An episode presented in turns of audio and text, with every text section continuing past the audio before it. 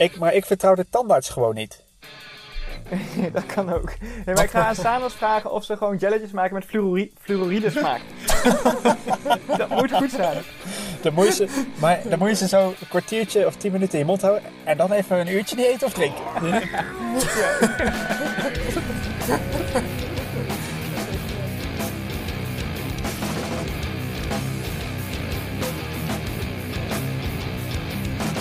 nou, eh gasten, aflevering, eh, whatever. Waarom is het eigenlijk belangrijk? Ja, dat zouden we niet meer zeggen volgens mij. Ja, dat, Hoeft ook niet. Oké. het is traditie. Ja, gewoonte. Ja, goed. Compleet? Compleet. Laten we even iedereen afgaan. Bouke, Ja, ik ben er. Cornelis, Yes. Evert, Ja, zeker. Diederik. Present. Present. Ik hoor, ik hoor heel vaak dat mensen de stemmen van eh Diederik en mij niet uit elkaar kunnen, kunnen houden. En eh, dat is voor mij erg nadelig, want dan denkt iedereen dat ik die domme dingen doe. Maar ik, ik hoorde wel trouwens dat mensen de lach van Cornelis konden, goed, goed konden herkennen. Het was het leukste van de podcast, toch? Ja, dat, dat zegt meteen wat over het niveau. Ja. Maar waarvoor nemen we op, jongens? ik, ik heb wel een onderwerp. En eh, Breng het ga in. Ik, dan ga ik meteen zeggen. eh, dat is wel sponsor gerelateerd, maar ook weer niet direct. Ehm, ik loop dit seizoen voor het eerst op eh, schoenen, hardloopschoenen met een carbonplaat. En ik ga zoveel harder. Hoeveel per kilometer? Ja, nou, ik wou zeggen 4%, maar dat is denk ik niet helemaal waar. Lo- loop je op de Nike's? nee, nee, nee, niet eens. Nee, ja, Welke ik, heb jij eh, gekozen? ik heb twee paar. Eh, de Hoka, de Rockets van Hoka, Rocket X. En eh, de Endorphin Pro van eh Saucony. Of Saucony, zoals onze familieleden dat wel eens zeggen. Ehm, maar ehm, ja, of het ligt ook aan, kan ook gewoon aan mezelf liggen, hè, dat ik gewoon knetterhard kan lopen. Maar eh, ehm, in training gaat echt wel, ik merk wel echt dat het heel veel verschil maakt. En eh, hoe, hoe voelt dat dan? Wat voelt er allemaal anders? Ja, sowieso, met name die Saucony's, die rollen heel anders af dan een normale hardloopschoen. Dus het heeft al met de vorm van de zool te maken. Ja, Cornelis, jij kan er misschien, jij loopt al veel langer op, eh, jij hebt die Saucony's ook gehad. Jij loopt al veel, jij loopt als vorig jaar liep jij ook al op die carbonschoenen. Maar wat vind jij? Ja, ehm, eh, je grondcontact is korter inderdaad. Je wikkelt sneller af. En ze zijn een stuk stijver, dus je krijgt inderdaad wat meer energie eh, terug. Maar ik heb die Saucony's uiteindelijk ook weer eh, doorgegeven. Bij mij waren ze in de, in de toebox, dus waar je, waar je tenen zitten, dat gedeelte voorin, waren ze wat te breed, waardoor ik daar schroef en blaren kreeg. Hé, waarom heb ik die niet gekregen? Eh, heb ik gevraagd? Echt? Oh, kak. Ja, Ja. Beetje hetzelfde als met die powermeter, denk ik. Ja, maar die hoefde ik niet. Carbonplaatschoentjes lijken me nog wel leuk. Ja, kun je gewoon kopen, Brees. Ja, dat is zo, ja. Maar jullie zijn een beetje late, late adapters eigenlijk, hè? Ja, Als je nu eigenlijk pas wel. over begint, want het is al... eh, Jullie, ik was de eerste van ons. ja. Van ons. Maar hoe is het bij jou, Ja? Ik zag ja, op ja. Lanzarote dat jij op ons liep. En normaal is ons kenmerkend door van die, eh, ehm, eigenlijk U-profieltjes onder de schoen met luchtjes erin. En volgens mij had je op. Lanzarote... Ja, wolkjes, ja, precies. Maar volgens mij had je op Lanzarote, eh, zijn ze een beetje daarvan afgestapt. Had je een andere schoen aan? Nee, maar er zitten ook nog steeds wolkjes onder. Oké. Maar ook een plaat. Ja, ook met een carbonplaat. Ik word gesponsord door On en eerst hadden ze de Cloud Boom ontwikkeld. En die was, eh, er zit dus een carbonplaat in, maar die was niet zo zacht. En je ziet met de Vaporfly en al die andere schoenen dat ze een vele dikkere zool hebben. Ook voor die afwikkeling, maar ook, het, eh, ook het, de zachtheid gaat ook heel veel uitmaken in de, de energie die je terugkrijgt. En ook voor je belasting op je spieren en zo. Dat maakt ook denk ik wel een heel groot verschil. En deze schoen had het dus niet. Dus het was meer een wedstrijdschoen met een carbonplaat erin. En ehm, vlak voor, of vlak voor, een tijdje voor Lanzarote kwam een prototype uit, heb ik dan gekregen van On. En die is wel een stuk zachter, dus daar liep ik op. Dat is de Cloudboom Echo. En die, is nu, die kun je nu ook gewoon kopen in de winkel trouwens. Ik vind, ik vind het grappig hè, wat je zegt over die dikte van die zool. Dat klopt helemaal. En ik, ehm, ik heb zeg maar, toen ik mijn eerste paar hele had gedaan, had ik altijd zo ontzettend veel pijn aan mijn bovenbenen. Dat ik tijdens de marathon best wel vaak gewoon de impact niet meer kon verdragen eigenlijk. Waardoor ik niet meer goed kon hardlopen. Omdat de pijn was zo Ik had zoveel last van mijn bovenbenen door de impact van het lange fietsen en dan het eenzijdige belasting van het hardlopen op asfalt. Dat ik ben toen zelf echt al jaren geleden op zoek gegaan naar dikke zolen. en uh, toen was Hoka eigenlijk de eerste die dat, en de enige ook, die dat deed. Dus toen heb ik een setje Hoka's gekocht. En het is wel geinig. Daar heb ik heel lang op gelopen, op die schoen. Volgens mij tot twee jaar geleden deed ik daar zeg maar alle lange races op. En uh, nu gaan dus heel veel meer merken daar naartoe. Um, ook die, die, uh, die Saucony's, die hebben echt een dikke zool. En daardoor zijn ze heel zacht, waardoor ik denk inderdaad gewoon, je kan die impact veel beter aan. Ja, ja, ja maar dit is wel ook wel een ontwikkeling in die foam geweest. Want ik weet wel met die, of die uh, Hoka's waar jij toen op liep, die, daar verlies je ook wel veel energie mee destijds. En dat nu is dat gewoon, is dat eigenlijk helemaal te niet gedaan. Je krijgt er juist meer energie voor terug, zeg maar relatief gezien, dan, dan met, die, uh, met die andere schoenen. En daardoor waren vroeger, daarom was dat barefoot running was op een gegeven moment helemaal in. En um, ook zo minimalistische schoenen, zeg maar. Hoe ja, heel... alle wedstrijdschoenen op de weg waren, zo dun mogelijk en zo ja, licht zo mogelijk. reactief mogelijk, ja. Ja. Nu krijg je dus heel veel reactiviteit terug vanuit die, vanuit die carbonzol, maar ook vanuit, die, um, vanuit dat nieuwe foam wat al die schoenmerken hebben. Ja, um, dat barefoot running. Uh, ik heb ooit een keer een 5 kilometer gelopen op uh, Nike Freeze. Dat zijn dus de meest flexibele schoenen die, die Nike heeft. En die kun je dus helemaal ombuigen. Dat is dus net alsof je geen schoenen aan hebt. Terwijl andere schoenen, ook oude schoenen, die hadden wel enigszins stijfheid. Die kon je niet helemaal doorbuigen. Ze zijn nu veel stijver nog door die carbonplaat. Maar toen ik die, op die Nike Freeze liep, uh, heb ik mijn langzaamste 5 kilometer ooit gelopen. Ik denk 18 nog wat of zo. Echt uh, minuten langzamer dan als ik op normale hardloopschoenen had gerend. Um, dus barefoot running, dat is wel heel goed voor je als je dat uh, goed, goed opbouwt, zeg maar. Alleen, um, het gaat niet hard. Nee, ik ben dat niet helemaal met je eens. Um, ik weet dat toen dat Born to Run, dat boek van Christopher McDonald, dat was toen best wel populair. En dat is echt een, een journalist, sportjournalist. En die gaat kijken bij een bepaalde stam die kaart rennen. En die liepen allemaal op blote voeten. En dus daaruit volgde hij eigenlijk een beetje de conclusie van, nou, dat is de manier om te lopen. En, uh, met oh, die... oh, wacht even. Ze liepen op sandalen, hè? Ja, van, ja, van ja. autobanden. Ja. ja, ook. Ja. Maar dat was meer om uh, je voet van wonden te beschermen. Maar dat, die Nike Free is uiteindelijk inderdaad een beetje meegegaan op die hype. Maar wat daar wel zo is, die zijn inderdaad heel flexibel, maar er zit wel gewoon een, een hak in. Um, dus het is een beetje zo dat wanneer je op blote voeten loopt, dan ga je niet echt op een haklanding uh, lopen, want dan komt die, die kracht op je, op je hiel wordt gewoon uh, te groot, die impact. Maar door dit hakding in je schoen uh, wordt dat, ja, heb je die pijn niet. Dus gaan mensen dat wel doen. Dus die Nike Free schoen, dat is niet per se dat blote voeten lopen. Maar ik weet iedereen, Ja, jij je liep hebt- op die Vibram, uh, Vibram schoenen met die vijf vingers. Ja, ik heb daar Vibrams helemaal ook, geen ja. hak. Ja, die. Maar heel even voordat we op die Vibrams doorgaan. Die Nike Freeze, eh die had je, in het begin had je de Nike Free 7.0. Dat was een verloop van 7 mm. Of cent, ja, millimeter. Ehm, daarna had je de 5.0 en ook de 3.0. En die 3 zit inderdaad het dichtst bij die eh, barefoot. Maar inderdaad, er zit nog wel een klein stukje mij, verloop in. volgens mij hadden wij die vijf, of niet? 3. Drie. Oké, als je dan over een gravelpad eh, liep, dan eh, zat je hele zool vol. Ja, klopt. Omdat dit zo buigzaam Die was. dingen, ja. jongen. Ja, nee, maar dat komt door die blokjes in die zool. Ja, Dus klopt. sleept je dat hele Ja. gravelpad achteraan. Ja, en dan kwam je weer terug op de verharde weg en hoorde je krk, krk, krk bij elke stap die je zet. Ja. Ja, Maar eh Vibrams, ja ik, dat was precies ook toen ik Born to Run had gelezen, dacht ik, oh, dat wil ik wel eens proberen. En ja, het is niet echt lekker, zeg maar. Ik heb het voorzichtig opgebouwd en zo. En eh, ik vond het wel fijn, maar vooral op het strand. Maar als je dat op de weg moest doen of zo, dat is niet te doen, joh.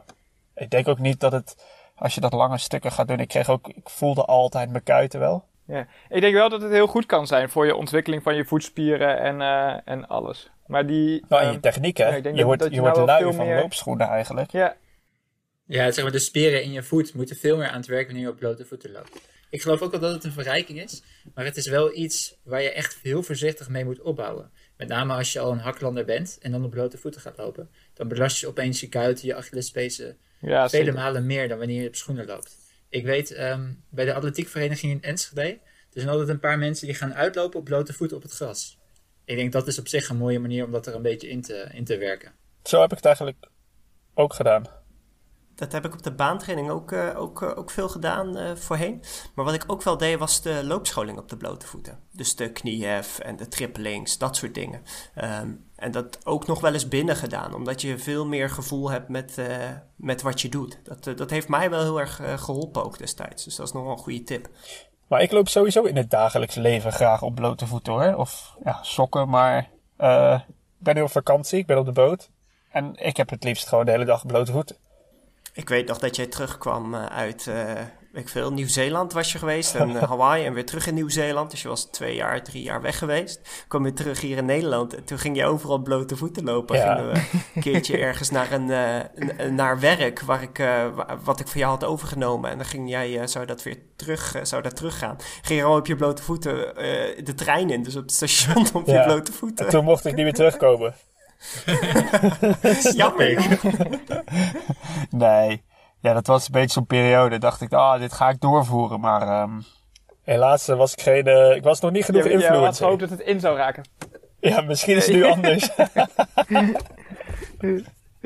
nee, maar um, nog even terug naar die, naar die carbonschoenen. Ik heb wel nu uh, dat ik denk van, uh, ik ga vliegen. Dat is wel Ja, nice. shit. er gaan twee dingen door me heen. Heel fijn voor je en kut. ja, ja. Uh, maar hoeveel, hoeveel harder per kilometer loop je als je. Ja, als dat je vind ik dus vet uh, lastig in te schatten. Hè? Want ik had dus een paar trainingen op wedstrijdintensiteit met die schoenen gedaan. En toen dacht ik eerst van oké, okay, ik loop zo makkelijk en best wel hard. Voor mijn eigen tempo dan, zeg maar. Omdat ik die schoenen aan heb. Toen ging ik een training doen op gewoon mijn normale loopschoenen. Of ja, dan weliswaar mijn iets wat lichtere normale loopschoenen. Maar toen kon ik ook hard. Dus weet je, je zult het nooit weten. Want je kan het niet vergelijken. En ja, dan moet je, je kan je wel gaan testen op een baan en op hartslag. En uh, dat ga ik allemaal niet doen. Het is ook natuurlijk een stukje mentaal. Als jij erin gelooft, dus misschien een beetje placebo-effect, maar ik geloof ook echt wel dat het werkt. Dus dat je met dezelfde intensiteit gewoon een stukje harder kan lopen. Ja, ik geloof het ook wel dat je harder loopt op die schoenen. Tuurlijk. Nou goed, het is eigenlijk al bewezen. Als je al die marathontijden ziet Ja, van de afgelopen ja, ja je jaren. ziet het overal. Ja, of, of kijk naar het aantal Nederlanders dat zich opeens kon plaatsen voor de marathon. Jaren lukte het niemand. Op de Olympische Spelen. Ja, precies. En nu hadden we er opeens een uh, overschot aan mensen en er moest er een selectie gemaakt worden. Klopt. Ik merk, ik heb uh, een aantal trainingen gedaan waarbij ik uh, tempertjes liep. Waarbij ik bijvoorbeeld de eerste drie met uh, oude schoenen tussen aanhalingstekens liep. En de andere drie met de nieuwe schoenen.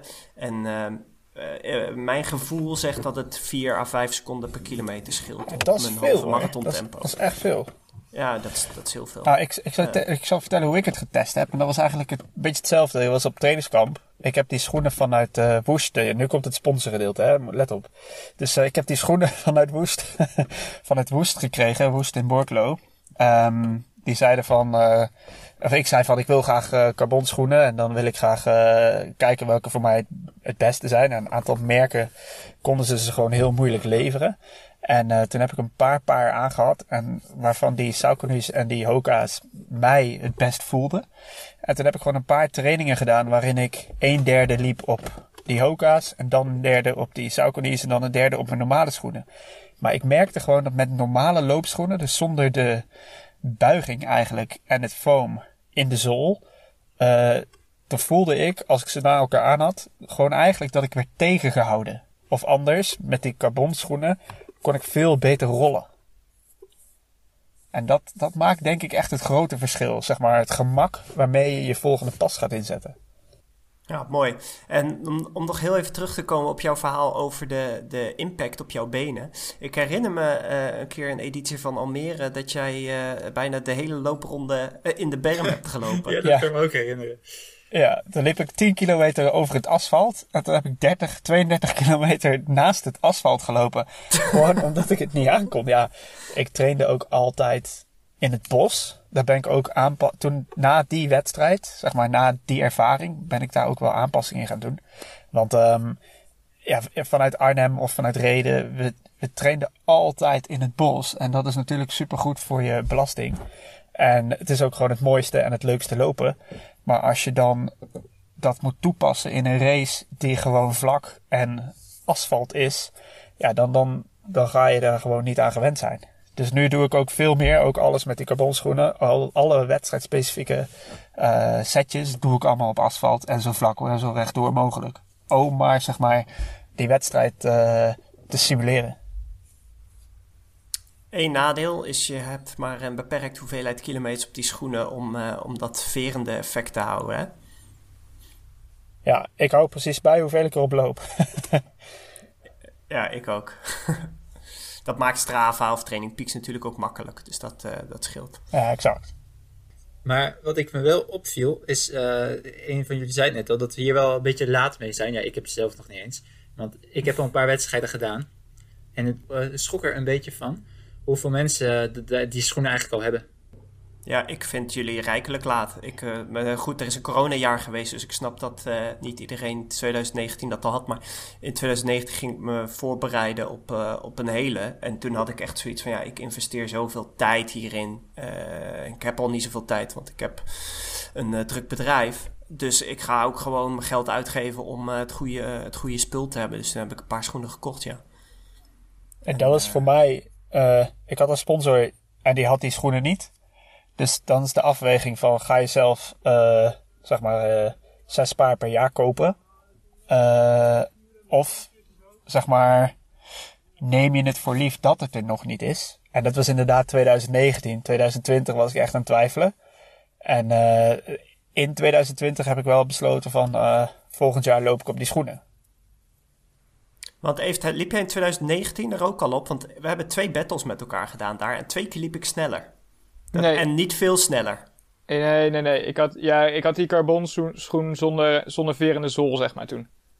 Oh, ja. dus dat, uh, en dan dat heeft dat wel... net het verschil gemaakt. Ja, ja ik denk dat dat wel uitmaakt. Maar goed, um, dat waren ook geen wedstrijden waar, waar ik uh, op en top aan de start stond, zeg maar. Dat sowieso nee, dat voorgesteld. waren, waren korte wedstrijden, dat, dat ja, is ook zo. Dat daarom. Maar het was. Uh, maar uh, nee, dat, dat, maar dat, ja, ik, zie, ik zie het ook wel gewoon in alle tijden overal, zeg maar. Niet alleen in, uh, in hardloopwedstrijden, maar ook gewoon in triathlonwedstrijden. Hoe hard er op het moment overal gelopen wordt. En nou ja, dat, dat heeft natuurlijk wel, wel een groot gedeelte door die schoenen heeft het te maken. Oh, laatst, ik weet niet meer welke race dat was, maar dat was een Ironman. En daarvan liep uit de top 10 liepen 9 of 8 man onder de 250. Ja, dat was in Tulsa, geloof ik. Oh ja, en toen dacht ik, oh, lekker makkelijk, zal het te kort zijn. Toen ging ik eens kijken. Ah, en iedereen had 42 kilometer of 41,9 of 42,3. Toen dacht ik, shit, dat is echt niet normaal. Ja, nee. dat, dat is echt wel een groot verschil. Oké, okay, en afsluitend um, um, uh, wil ik nog wel even een tip geven als mensen die schoen willen gaan kopen. Ga uh, naar verschillende winkels waar ze de verschillende type schoenen hebben. Uh, ga op al die schoenen lopen. Dus loop een keer op een paar Nike's, ga op zoek waar ze die hebben. Loop een keer op die Hoka's, loop een keer op Adidas heeft ze, loop een keer op die Saucony's. Um, ja, ga, ze gewoon testen en voel wat goed voelt. En uh, Bouke die kent dit onderzoek, maar er is een onderzoek gedaan naar de schoen die het beste bij je past. En dat is de schoen die het lekkerste bij je voelt. En dan kun je uh, metingen laten doen in winkels en proneren, dat soort dingen. Maar volgens mij was dit de conclusie. Klopt dat, Bouke? Ja, dat klopt zeker. We noemen het het comfort filter. Dus inderdaad, de schoen waar je het lekkerste op loopt, die past hoogstwaarschijnlijk het beste bij jou, bij jouw loopstijl.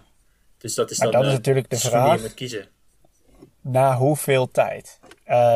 kijk, ik heb zeg maar... Ja uh, 10 minuten op elk paar gelopen en op basis daarvan een keus gemaakt. Is dat dan genoeg?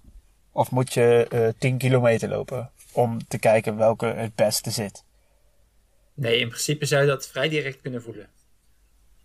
Het gaat ook om de vorm, de breedte, een, de, pas, uh, de pasvorm, de ronding.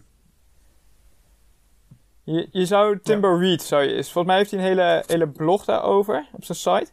En die past en probeert alle schoenen en ook verschillende afstanden. Dus bijvoorbeeld na een uur lopen hoe ze voelen, na, op een 5 kilometer doet hij allemaal tests mee. En dat, daar probeert hij ze allemaal.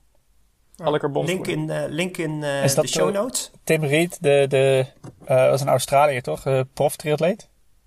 Ja, drie oh, keer ja. Australian champion. Ja, maar het blijft natuurlijk heel persoonlijk. En wereldkampioen 70,3. Ja, ja, nee, maar, dat, maar, maar om even aan te geven van hoe die, hoe die het test, zeg maar. Dus die probeert het inderdaad gewoon, ik denk op comfort natuurlijk, zou die wel iets beoordelen. Hij zou op een uh, 5 kilometer een test doen en hij gaat een halve marathon erop lopen. Ja. En dat is natuurlijk allemaal, uh, ja, dat kan allemaal anders zijn. Maar zo geldt, Alexander, zo geldt voor mij dus dat ik, weet, ik heb die twee paar en ik weet wel dat alles onder de halve marathon, dan zou ik die Hoka's, eh, die Rocket X aantrekken. Maar halve marathon of meer, halve marathon is dan twijfelgeval. Maar voor de hele ga ik zeker op die Saucony's lopen. Ja. Oké, ik, ga, eh, ik stop de links eh, komen in de show notes. Zowel die van, die van Tim Reed als het onderzoek waar Bouke aan en ik aan refereerde. Interessant. Hebben we nog meer onderwerpen? Ja, nou, ik denk dat Cornelis het eigenlijk al een beetje het voorzetje gaf. Eh, dat hij zei dat hij nogal baalde dat jij hard bent gaan lopen. Want ehm, ik zag een eh, nieuws voorbij komen dat jullie alle drie in Almere als pro op de hele starten. We zijn, ja, om even, ja, inderdaad, om door te gaan op die selectieprocedure waar we het afgelopen keren al Waar we het veel te lang over gehad hebben, ja. Ja, ja, eh, gefeliciteerd boys. Ja, jullie ook gefeliciteerd. Ja, thanks. Dit Lekker wordt echt gewerkt. gruwelijk. Lekker gewerkt, het gaat Groot gebeuren. feest. Ja, ja, en er, komen, er komt weer een mooie battle aan. En ik denk dat dit... eh, ik denk dat het weer 2015, 2014 een keer... Ik herinner me een foto van een NKOD in Venendaal... waar we voor het laatst met z'n drie aan de start stonden. Ehm, dus dit is eh, een nieuwe battle. Nou, en, en nu is het niet alleen een NK, hè, maar ook meteen een WK. Kunnen we kijken wie de wereldkampioen Scheltinga wordt. Nee, daar moet Bouke ook mee doen. En PP. Ja, nou, Ja, want ja, ik, ehm, ik, het is wel mooi, want we hebben een jaar geleden eh, een keer gezegd van 2021 eh, met z'n vieren aan de start. Nou, drie hebben het in ieder geval, eh, in ieder geval gehaald. En ehm, ja, Dit wordt, dit wordt ook een, vet. een, een iedere podcast terugkerend gespreksonderwerp, hè? ja, zeker. Maar Dat jullie komt mij even omdat we, overtuigen dat ik een hele moet gaan doen. ja, of dat we het bij jou willen invrijven dat je niet aan je afspraken houdt. ja, ik heb... Ik, nee, nee, nee, nee. nee. Nou, in, in vorig jaar in de podcast werd het, open, werd het open gezegd. En toen reageerden wij Bouke allebei een beetje hetzelfde. Van eh, ja, ja oké, oké, is goed, gaan we doen. Moet ik even terugluisteren. Ik geloof niet dat ik dat gezegd heb. Dat, dat geloof ik ook niet eigenlijk. Dit vind ik Trumpiaans. Fake nieuws. Nee, maar ik vind het, ja, ik zou het superleuk vinden als jij je ook nog even inschrijft, Brace. Volgens mij kan Laten dat op de open we- serie. Ja, precies. Laten we elkaar geen watje noemen. Dit is wel echt gierig. nee, ik, dat is wel jammer, want ik had eh, eh, met Bouke erover om nog een keer een halve te doen. Maar jouw, eh, jou- jouw been kan het gewoon nog niet aan. En je kunt die loopkilometers nog niet maken, Bouke. Nou, Of is dat nu Nee, het veranderd? eigenlijk best wel goed. Ik kan, ehm, ja, ik doe mijn oefeningen netjes. eh, ik eet mijn groenten. Ehm, hey, maar is, is, zijn, die, eh, zijn die carbonschoenen dan niet de oplossing voor jouw been ook? nee, maar in principe heb ik geen problemen met mijn benen. Ik bedoel, voordat ik mijn been heb gebroken, had ik ook altijd het probleem dat ik gewoon niet zeer belastbaar was met lopen. Ehm, en nu, ik heb eh, eigenlijk helemaal geen last meer van dat ik mijn been heb gebroken. Ik kan best aardig eh, mijn trainingen doen. Het gaat op zich goed. Ik ben alleen op vakantie geweest laatst, eh, dus lang niet gelopen. Maar een marathon is wel net even wat anders dan wat ik nu meestal doe. Hè? Een, sprint of een OD. En ik denk dat dat niet slim is om dat over, nou, wat is het, twee maanden? Nee, volg over vier weken ongeveer te gaan doen. En eh, Vier weken, ja. ja, sowieso als je een hele gaat doen, dan moet je denk ik minimaal een jaar van tevoren eh, bedenken van nou, dan ga ik een beetje trainen. Ehm, Nee joh. en specifiek voorbereiden. En dan zeg jij natuurlijk weer Diederik, oh ja, nee, ik geloof er echt in. Als je genoeg fi- fietskilometers maakt, dat je dan ook prima met weinig loopkilometers uit kan komen. Ehm, maar diezelfde aflevering, of een aflevering later, zei ik ook dat ik 100 kilometer in de maand veel vond. En toen schreeuwde jij weer van, wow, dat is vet weinig. Eh, nee, dus dat is gewoon veel te veel voor mij. Eh dan had ik eerst maar eens eh, een halve doen. Daar heb ik ook best wel zin in eigenlijk. Ehm, ik moet er even één uitkiezen, misschien eind van, de, eind van het jaar. In oktober was het, eh Cornelis, Mallorca. Ja, cool. Maar als je dan Almere kiest hè, voor je halve, dan kun je toch nog een soort van dezelfde race doen. Ja, maar die is op vrijdag en die start op zondag. Dat heb ik al gecheckt. Nou, dan kun je zondag Oh. komen kijken. Ja, dat- Ja. Oh, nee, ik heb al andere plannen. Jongen, familiedag in Almere, wat is dit? Ja, mooi. hey, maar ehm, zijn jullie druk met, eh, met voorbereiding? Vast wel. Nou, eigenlijk niet echt.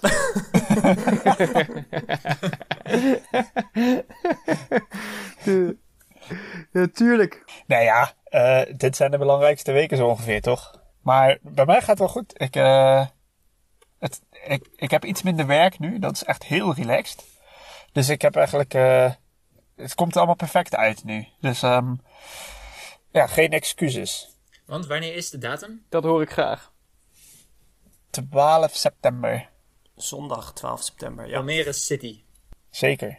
Maar dat is, eh, dat is mooi. Maak je, hoeveel uur per week maak je, Diederik? Eh, ja, eh, afgelopen week toch wel meer dan 20. Zo, lekker. Maar niet heel veel meer dan dat hoor. Nee, oké, maar het zijn wel goede weken. Ja, ja. Maar ja, dat, dat moet natuurlijk ook. Kijk, ik had van de week een keer 6 uur fietsen. Nou, dan ga je al heel snel. Zo, mooi tocht. Ja, ja. En eh, jij heeft hoeveel uren draai jij nu? Of, eh, jij meer, Ja. denk ik. Dat is heel verschillend per week. Maar het is nu zaterdag en ik sta nu op 20. Of 21. Ja, maar- en jij bent misschien ook nog wel een klein beetje. Kijk, jouw basis, die had je voor Lanzarote al liggen natuurlijk. Ja. Dus jij, jij Ja, kan misschien ja, bij mij ook was het- met veel minder prima uit. Ja, veel minder nee, veel minder niet. Maar je hoeft niet meer, zeg maar, die basis is goed. Dus dan is het herstellen en dan nog een keer een iets wat meer intensiteitblok, kan ik me zo indenken. En dan ben je er ook wel weer. Hey, ik vind dat wel weinig, eh, die uren. Ik zat een paar weken terug zat ik op eh 33,5 uur. Ja, daar komen we zo wel op, denk ik. Oh, oké.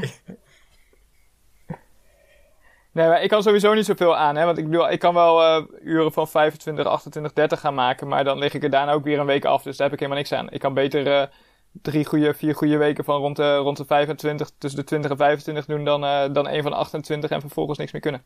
Ja, en goed, je geblesseerd? Nee, vermoeid. Ja, en, en inderdaad, ik wou zeggen, gewoon goed herstellen. Ja. Want trainen is natuurlijk niet alleen alles. Hè. Kijk, de, die, die 20 uur, voor mij is dat echt wel de max. Want eh, ik heb ook nog werk en een gezin en eh, eh, ik ben er nog een klein beetje aan het verbouwen thuis. Dus je moet ook je energie verdelen, zeg maar. En als je dan niet meer kan herstellen, je hoort wel eens verhalen van mensen die gaan dan tussen 8 en 10 s'avonds nog twee uur lopen. En dan staan ze de volgende dag weer om 6 uur op. Maar dan ga je er gewoon aan, denk ik. Ja, dat is voor mij ook de lijn waar ik op balanceer. Eh 20 uur is voor mij ook echt, moet ik echt heel goed mijn best doen. Dan red ik dat net. En dat is precies wat ik deze weken doe. Ehm, maar eh, met een baby die, eh, die niet altijd even best slaapt. Dus zelf kom je dan ook aan zes, zes uur slaap. Ja, druk bedrijf. Dus ik werk nou, nu dan vier dagen. maar ehm, ik werk gewoon veel. Ja, dat is pittig hoor. Dat is eh, goed naar je lichaam luisteren. En op tijd de stap terug doen als je voelt dat het iets te veel wordt. En wat ik heel veel doe is heel veel lage intensiteit. Ik merk dat dat, ehm, dat ervoor zorgt dat ik toch wel die uren kan maken tot zekere hoogte. Want door de lage intensiteit trainingen kun je daarna weer beter herstellen van andere trainingen? Of hoe werkt dat? Nou, ehm, ehm, ja, die lage intensiteit trainingen, eh, als ik twee uur rustig train versus eh, anderhalf uur hard, ehm, dat is veel minder belastend natuurlijk. Ja, dus, dat, dat dus helpt. net wat Diederik zei, je herstel is veel sneller van een lage intensiteit training dan van een hoge intensiteit training natuurlijk. Precies. En mijn andere truc, Maar dat is maar net de vraag zo van, wat is dan het beste voor je? Zou je, daarom zijn er misschien mensen die met minder uur wel een hele goede hele kunnen neerzetten. Eh, maar dat, dat is dan als er al een enorme basis ligt. Ja, en dat is waar een coach wel handig is. Want eh, eh, je moet gewoon een bepaalde hoeveelheid intensiteit wel doen, denk ik. En het hangt ook van je basis af, wat je inderdaad al hebt, eh, hebt liggen. Als je minder doet, zul je iets meer intensiteit kunnen en moeten nemen dan als je wat meer uren wilt draaien en kunt draaien. Maar als je een goede hele wil doen, is gewoon 15 uur plus, is gewoon wel heel fijn. Ehm, je kunt ook een hele doen met 10 uur, geloof ik ook. Maar die 10 uur extra, die voegt nog wel heel veel toe. Ja, Ja, zeker. dat, dat hangt er natuurlijk om, totaal vanaf wat je doel is. Ja, Nou ja, dat is het. Precies. Ja, goed is voor iedereen anders, dat klopt. als je wil finishen. Volgens mij mijn eerste hele deed ik gewoon met eh, gemiddeld 12 of 13 uur. Ja. Maar was ook Ja, niet echt een hele, ja, was op zich, ja. Maar, eh, en een ander ding voor mij wat heel erg helpt, is tijdens de training en na de training heel goed eten. Ja, Dus eh al zorg dat je echt goed je koolhydraten neemt tijdens de training. En dat je die daarna eh, eh, ook je koolhydraten inneemt, goed drinkt. En, dat is mooi, want dan eiwitten werk je tijdens je training al aan je herstel. Ja, klopt. Ja. Maar het is wel duur. Dat- Oh, dit is extreem duur. Ja, dit is echt niet normaal. Maar goed. Moet je toch Ja. een keus maken tussen schoenen en voeding. Ja, nou ja, daarom noemen ze het ook wel duurritjes. Ja, plus eh, bijkomende tandartskosten. Oh. Nou, ja, hebben jullie eh, veel tandarts, tandarts, eh, tandenproblemen, moet ik zeggen? Tandenproblemen? Ik niet, ik ga gewoon niet meer. ja, jij bent gestopt. Ja, ik Oh, ben- maar wordt, Ma wordt kwaad als ze dit hoort.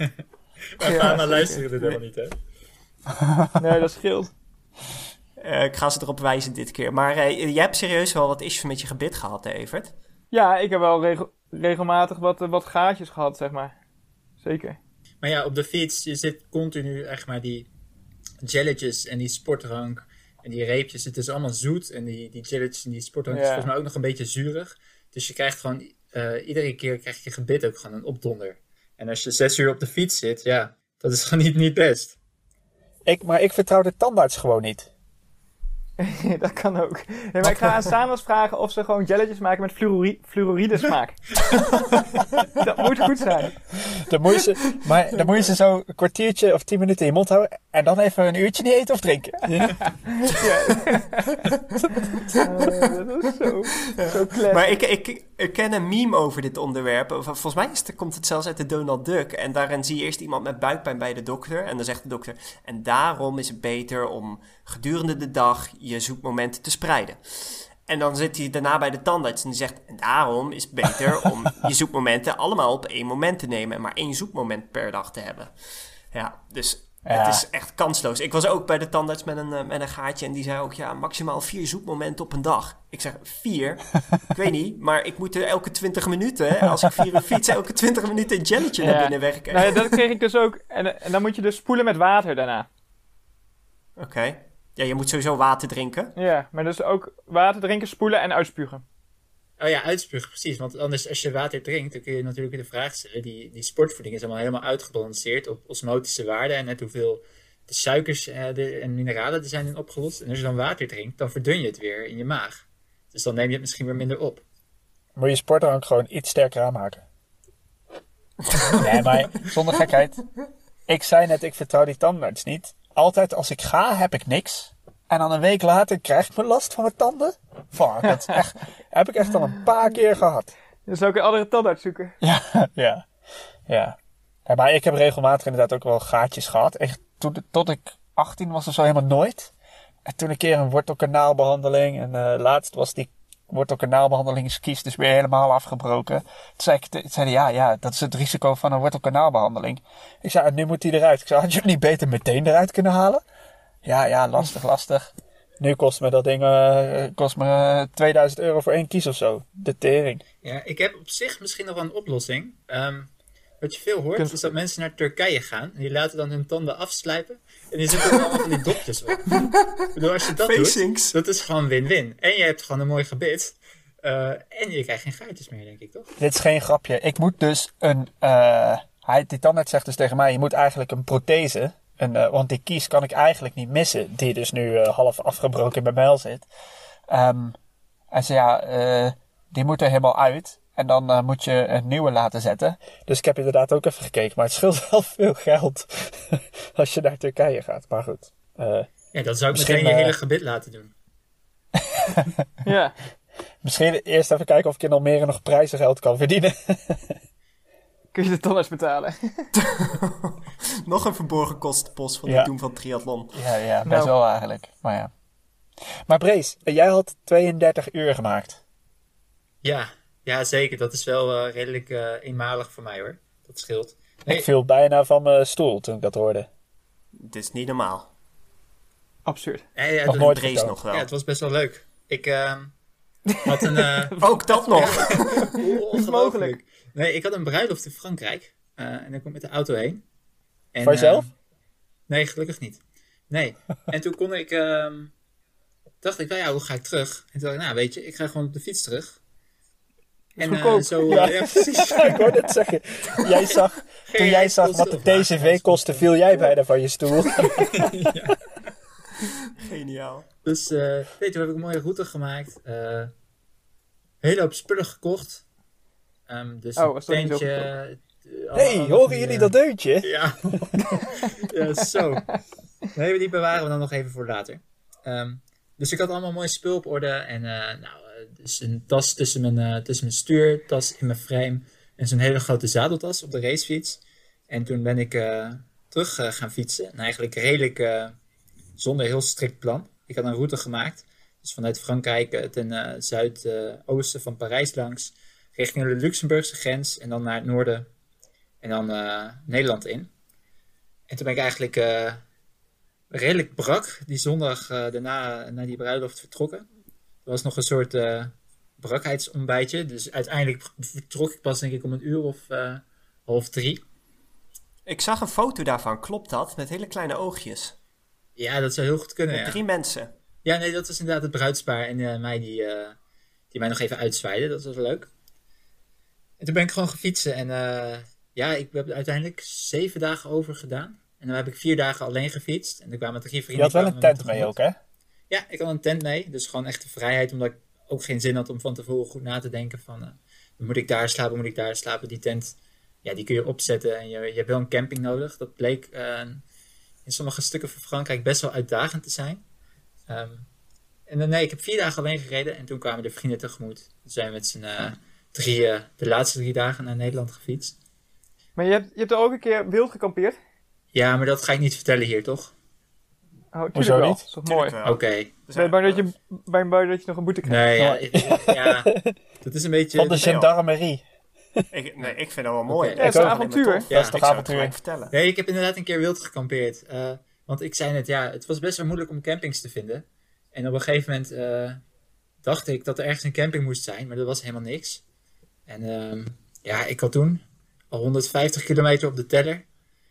En ik dacht van ja, ik moet nu echt even stoppen en eh, slapen. En ik was in een eh, heel uitgestrekt deel van Frankrijk. Tussen de zonnebloemvelden en de graanvelden. Er was ook echt helemaal niks eh, te beleven eigenlijk. En toen vond ik een heel mooi zonnebloemveld. Daar ben ik een beetje omheen gefietst, of gelopen met de fiets aan mijn hand. Toen ben ik achter dat veld gaan zitten. Dus vanaf de weg was ik gewoon helemaal niet zichtbaar. En als ik de andere kant op keek, dan eh, zag je gewoon kilometers eh, niks. Toen heb ik daar inderdaad mijn eh, tentje opgezet. Allemaal dieren die Nice. s'nachts volgens mij aan mijn tent kwamen knagen. Maar niet super lekker geslapen, maar het was wel een mooie beleving. Ook gewoon hoe ik daar dan zat met de zonsondergang. Ik wilde mijn tent wel zo laat mogelijk op, opzetten, want ik geloof niet dat het helemaal legaal is wat ik aan het doen was. Dus dan, en mijn tent is best wel oranje, echt gewoon knaloranje, dus het is niet echt eh, beschut, of geen schutkleur. Ehm, dus die eh, heb ik zo laat mogelijk opgezet dat het wel begint te schemeren, dat het niet meteen opvalt. Maar er was echt geen mens te bekennen. En eh, ja, het was wel een, eh, een gave beleving. Alleen, Maar je hebt dus eigenlijk gewoon een, een, dikke bikepacking trip gehad. Je bent eigenlijk gewoon naar Nederlands, Nederland gelauwerd ten dampt. zeker, ja, lekkertje, lekkere Barolo's onderweg. Mooi hoor. Hey, ik zag en wel jij- mooie foto's ervan. Ja, zeker. Ja. Ik had niet het perfecte weer. Ehm, best wel veel bewolking. Twee dagen ook in de regen eh, gereden. Maar juist die bewolking geeft ook wel wat mooie contrast voor de foto's. En eh, ja, wat ook gaaf was, die, die rit eigenlijk na mijn wild kamperen. Ehm dat was een andere rit. In één rit kwam ik ook op een gegeven moment door vier verschillende landschappen. Dus ik begon in de Champagne-streek. Toen had ik één klim en een lange afdaling. En ineens zat ik eh, in gigantische graanvelden met windmolens. En af en toe een, een verdwaald zonnebloemveld. Ehm, en niet veel later begonnen zeg maar eh, groene heuvels. Dat deed eigenlijk een beetje aan de, de gauw van de Lord of the Rings denken. En ik eindigde die dag in de Ardennen, dus echt steile beklimmingen met naaldbomen. Ja, dat is een super vette beleving als je dan eh, in je eentje zeg maar het landschap om je heen eh, ziet veranderen. Dat is erg cool. Ja.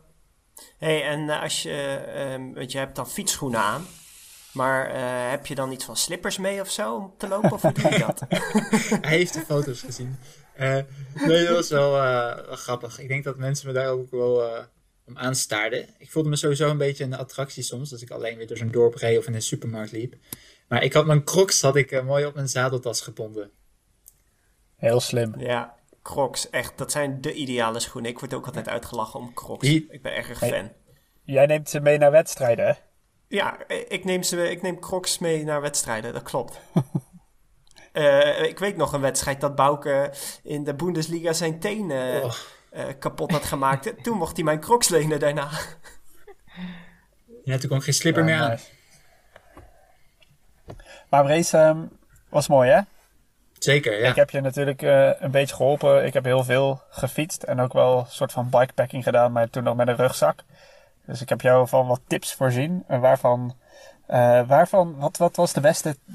Wat zou je iemand anders meegeven die dit zou gaan doen? Ja, dat is niet eh, in eh, vijf minuten denk ik te omvatten. Er zijn best wel veel dingen die komen kijken. Ik merkte ook, ja, we hadden gewoon een uur gebeld. En we met Diederik. En we hadden gewoon, ja, je had superveel dingen van, oh, let hierop, let daarop.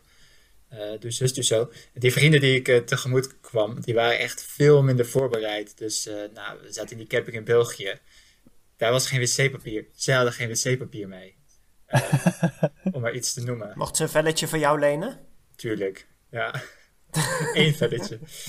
Ehm, maar, ehm, oh, dat is ook wel een leuk verhaal. Op een gegeven moment kwam ik in eh, Frankrijk op een camping, vol met Nederlanders. Dus uh, iedere Franse camping, denk ik. En uh, ik, raakte aan de praat met die Nederlandse buren. Dus uh, eigenlijk meteen kreeg ik gewoon een biertje van ze. Dat was dan nice. Maar toen ik weggeet, oh. toen gaven ze mij een, um, zo'n zo'n zo'n mini zakje met van die vochtige hygiënische doekjes. Die had ik niet mee. En die bleken de dagen daarna ook echt super nuttig. Dus dan kun je echt, uh, nou, als je een keer vieze handen hebt, kun je je handen ermee schoonmaken. Maar ook je fiets. Um, nou, als je echt door je wc-papier heen bent, kun je zelfs dat nog gebruiken. Dat bleek ook echt een uh, goede tip te zijn. Oh, nice. Nice. Mooi. Oké. Okay. En Brace, hoeveel kilometer was het? Want dat weet ik eigenlijk niet eens. Ja. Ik heb in die zeven dagen 985 kilometer gefietst. Um, Mooi. Ja, en ik heb eigenlijk, dat, dat verbaasde mezelf ook, nog best wel doorgereden. Ik had 7,5 kilogram uh, aan, aan, bagage mee. Um, dat was trouwens toen ik terugkwam, dus ja, in het begin zal het iets zwaarder geweest zijn. Um, maar ik heb uh, er 37,5 uur over gedaan in totaal.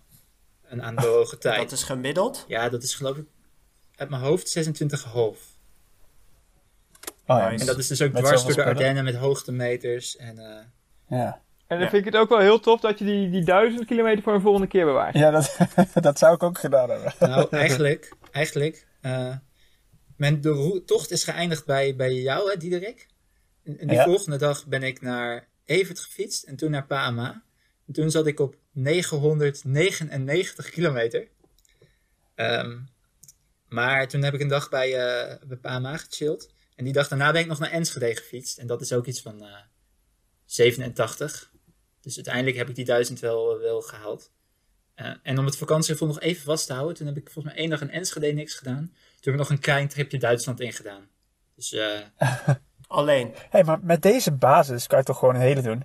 Ja, ik was wel bang voor deze opmerking. ja, maar dit is natuurlijk totaal niet specifiek getraind. Uh, alles rustig aangedaan, hoewel oh. dat natuurlijk niet slecht is, hè. Maar ik heb Ik dus helemaal niet zeggen- gelopen, ik heb helemaal niet gezwommen. In 2016, 17 en 18 heb ik mijn zomervakantie eh, ook op de fiets gedaan. En dan ehm, gewoon met een, eh, ook, maar dan niet zeg maar bikepacking, maar wel gewoon ook kookspullen mee en eh, een tentje en wel gewoon zeg maar op de trekkingfiets. Maar daar kwam ik altijd wel goed uit hoor. Ja, maar had Je jij dan nog wel- loopschoenen mee? Ja, maar dat deed ik daar niet heel veel in die eh, twee weken.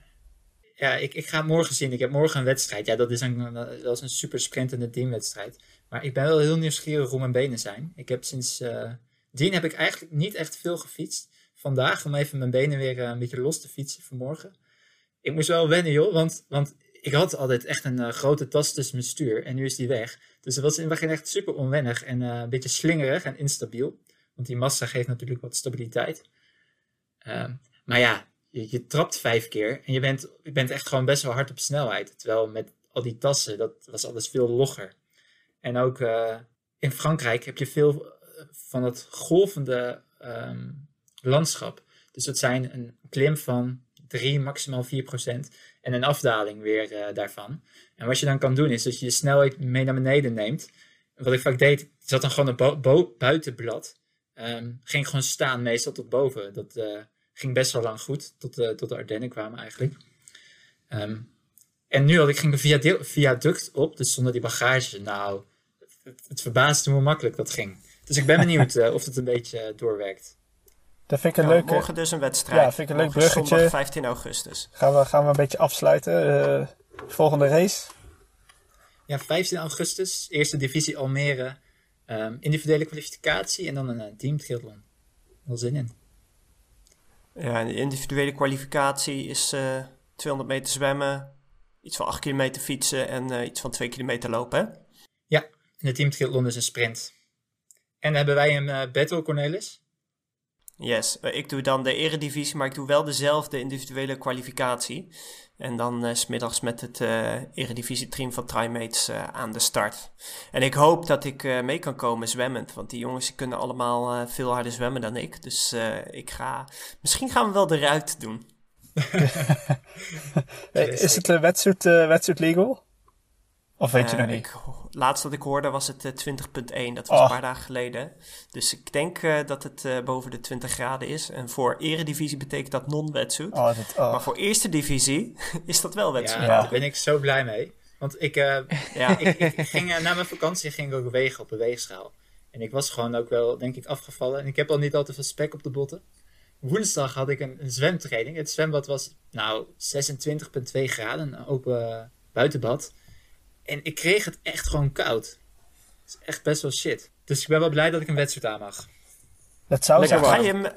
Oh ja. het zou eigenlijk voor de wedstrijd zeg maar, zelf wel jammer zijn als je verschil krijgt in de Eredivisie, Eerste Divisie. Want het is altijd wel leuk om te zien. Je hebt altijd een paar lui die in de Eerste Divisie eh, zitten en eigenlijk van zichzelf denken dat ze niet in de Eredivisie thuis horen. Maar met zo'n wedstrijd, onder gelijke omstandigheden, kan je heel goed kijken eigenlijk waar de top van de Eerste Divisie zich zou verhouden tot de Eredivisie. Over zo'n mega korte afstand. Dat vind ik altijd Ja. interessant.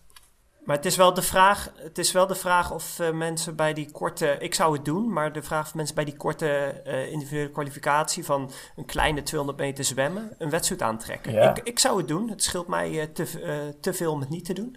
Maar ehm, als mensen dat niet doen, dan kun je het wel weer goed vergelijken. Ja, Ja, ik zou die doen. vergelijking kon je twee jaar geleden maken. Hè? Toen startte jij ook, Cornelis, in de eer- eerste divisie. En ik ook in de eerste divisie. Jij met Trimate, jullie wonnen. Wij werden met TCT, denk ik, tweede. Ehm, en als je onze tijd dan pakte en in de eredivisie zette, kwamen wij als achtste daar eh, in de eredivisie uit. Terwijl wij een man minder hadden. Dus wij moesten het met z'n vieren doen. In de, erediv- in de derde tijd telt. In de eredivisie moesten ze het met z'n vijven doen. In de vierde tijd telt. Ehm, ja, daar was ik best wel van onder de indruk eigenlijk. Ja. Maar ik ben blij Ja, dat ik eer- eerste divisie doe, bedoel ik hoor. Nou, heel fijn voor je. Ik had liever eerst divisie gedaan misschien. Dan had ik ook met wedzoek mogen zwemmen. Ja, snap Ah, je ik. weet nog niet. Ah ja, touwtjes springen van tevoren. En dan zorgen dat ik heel warm ben voor ik eh, dat water induik. Dat, eh, en ook voor die ochtendserie. Dat het mooi is als je dan heel warm bent. Dat je eh, echt een voordeel hebt ten opzichte van mensen die niet zo'n goede warming-up doen. Ehm, dat scheelt serieus veel. Ja. Dat had je nou dus dat niet is moeten zeggen, even- nou gaat iedereen een goede warming-up doen. ja, gelukkig komt deze podcast na die race online. Ja, en waarschijnlijk ook ruim na die race. Maar eh, dat hoor je vanzelf. Mooi. Even, doe jij nog wedstrijden voor Almere? Ja, ik doe Zee, 29 augustus. Oh, serieus? Zeker. Tof. Oh, dat is nogal eh 29 en 70.3 hè? Dus twee weken voor... eh, ga je met Joost mee? Nou ja, we gaan er niet samen heen, maar eh, daar wel eh, een beetje parcours verkennen en zo. En Oh ja. de boel Oh, samen doen. Oh Ja, ja, je kent het daar natuurlijk. zeker. Mijn lievelingswedstrijd. ja, ja nou, je deed het toen best goed, toch? Eerst, oh ja, die eerste keer misschien niet. Nou, toen, was ik mee. Zeven of zo. Zal mij gelegen hebben. Daarna was het WK, toch? Ja, 13 op het WK. Ja. WK is, 70.3. Ja, Ja, dat was, ik denk dat dat een van mijn... toen zaten we Ja, in dat hotel met die Dat is nog kabouters aan steeds je de muur. hoogtepunt. Ja, ik denk dat we daar weer heen gaan. Oh, nice. nee, ik heb nog niks geboekt, maar even kijken. Een hele, hele kamer vol kabouters. En die man zelf leek ook wel een soort kabouter. En die zei Ja, elke dat was wel ochtend... leuk. Goedemorgen, mijn heren. Goedemorgen, meneer heren. En dan kreeg we zo'n lekker keizerbroodje. Ja, dat was goed geregeld daar. Dat was wel mooi. Mooi. En jij Diederik, doe je nog een wedstrijd? Ja, ik doe nog eh, de cross triathlon van Renkum. Gewoon een Oh, lekker thuiswedstrijd. specifiek. En wat zei, wat zei je? Ik zei, dat is ook traditie geworden. Nee, ja, ik heb hem twee keer gedaan, denk ik. Ah, ja. Al. Maar ehm, nee, ja, het is gewoon... Het is een leuke wedstrijd. Dat is ook wel geinig. Je gaat met een boot, ga je de Rijn eh, op eigenlijk. Eh, en dan zwem je 1500 meter stroomafwaarts. Dus dat is altijd wel lachen hoor. Het is gewoon een, een het is niets En wanneer is die? maar- Ehm, ja, laatst, laatste zaterdag van augustus. 28 28, ja. Ja, de dag voor het Ja. Zellamzee dus. Ja. Ja, dus eh, Leuk. ja, dat is gewoon lachen. Gewoon eh, als training, zeg maar. Ik heb eigenlijk de tijd... Ik kan eigenlijk niet zoveel tijd verdoen. Hè? Zo voelt het een beetje. Als je een wedstrijd doet, neem je een beetje rust de dag ervoor. En je moet sowieso een beetje rustig nemen de dag daarna. En eh, ik heb mijn trainingstijd gewoon hard nodig. Dus eh, Waarom doe je dan toch die wedstrijd? ja, ik ga op de fiets erheen. En eh, ik neem ook geen gas terug. Dus eh, ja, maar goed, dat maakt dan niet zo uit. Eh, ik vind het wel leuk om gewoon te racen. En, Ja, Ja, eh, ik, doe dat, ik doe dat bij Zellamzee ook, hè. Ga ook op de fiets heen en dan... Ja. Bikepacken. Je mag mijn spullen wel lenen. Ja, dat is ideaal. Dat je wilt ik dus... Ik doe morgen die eredivisiewedstrijd, maar ik heb vandaag dus vier uur gefietst. Ik moet morgenochtend een duurloop van een uur. En eh, goed uitlopen daarna. Dus eh, ik, ik neem inderdaad ook nul gas terug. Het is gewoon echt onderdeel van, eh, van Ja. de training. Daar zullen de trimates blij mee zijn dan. Ja, ik heb het gezegd. maar ze wilden graag dat ik startte. Dus, eh, Oké. Nou ja, het is.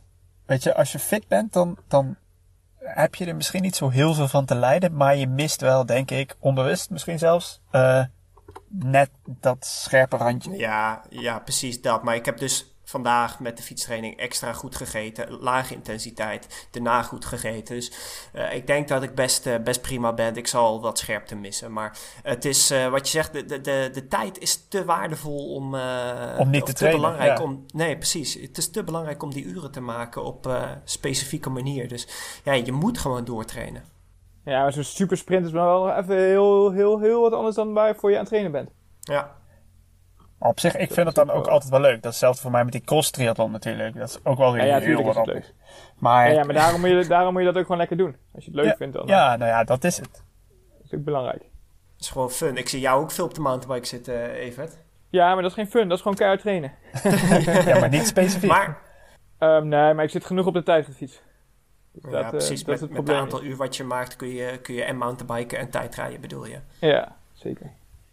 Zo, ik denk dat we zo nog heel lang kunnen doorpraten. Maar eh, ik denk dat het tijd is om hem af te ronden vandaag. We moeten op tijd naar bed, morgen Ja. wedstrijd. Precies. Zo Zet- is dat. Zet hem op, hè. Ja, succes allebei. Maak ja, papa- tegen de tijd dat jullie dit horen, is die, eh, kunnen jullie de uitslag terugvinden op teamcompetities.nl slash eredivisie triathlon. En hetzelfde slash eerste divisie triathlon. Ik wou zeggen, maak papa en mama trots. Die, zijn, die al trots, jongens. Ja, niet druk oh, oh, oh. Hey, tot de volgende. Yo, Yo, later. later. doei doei.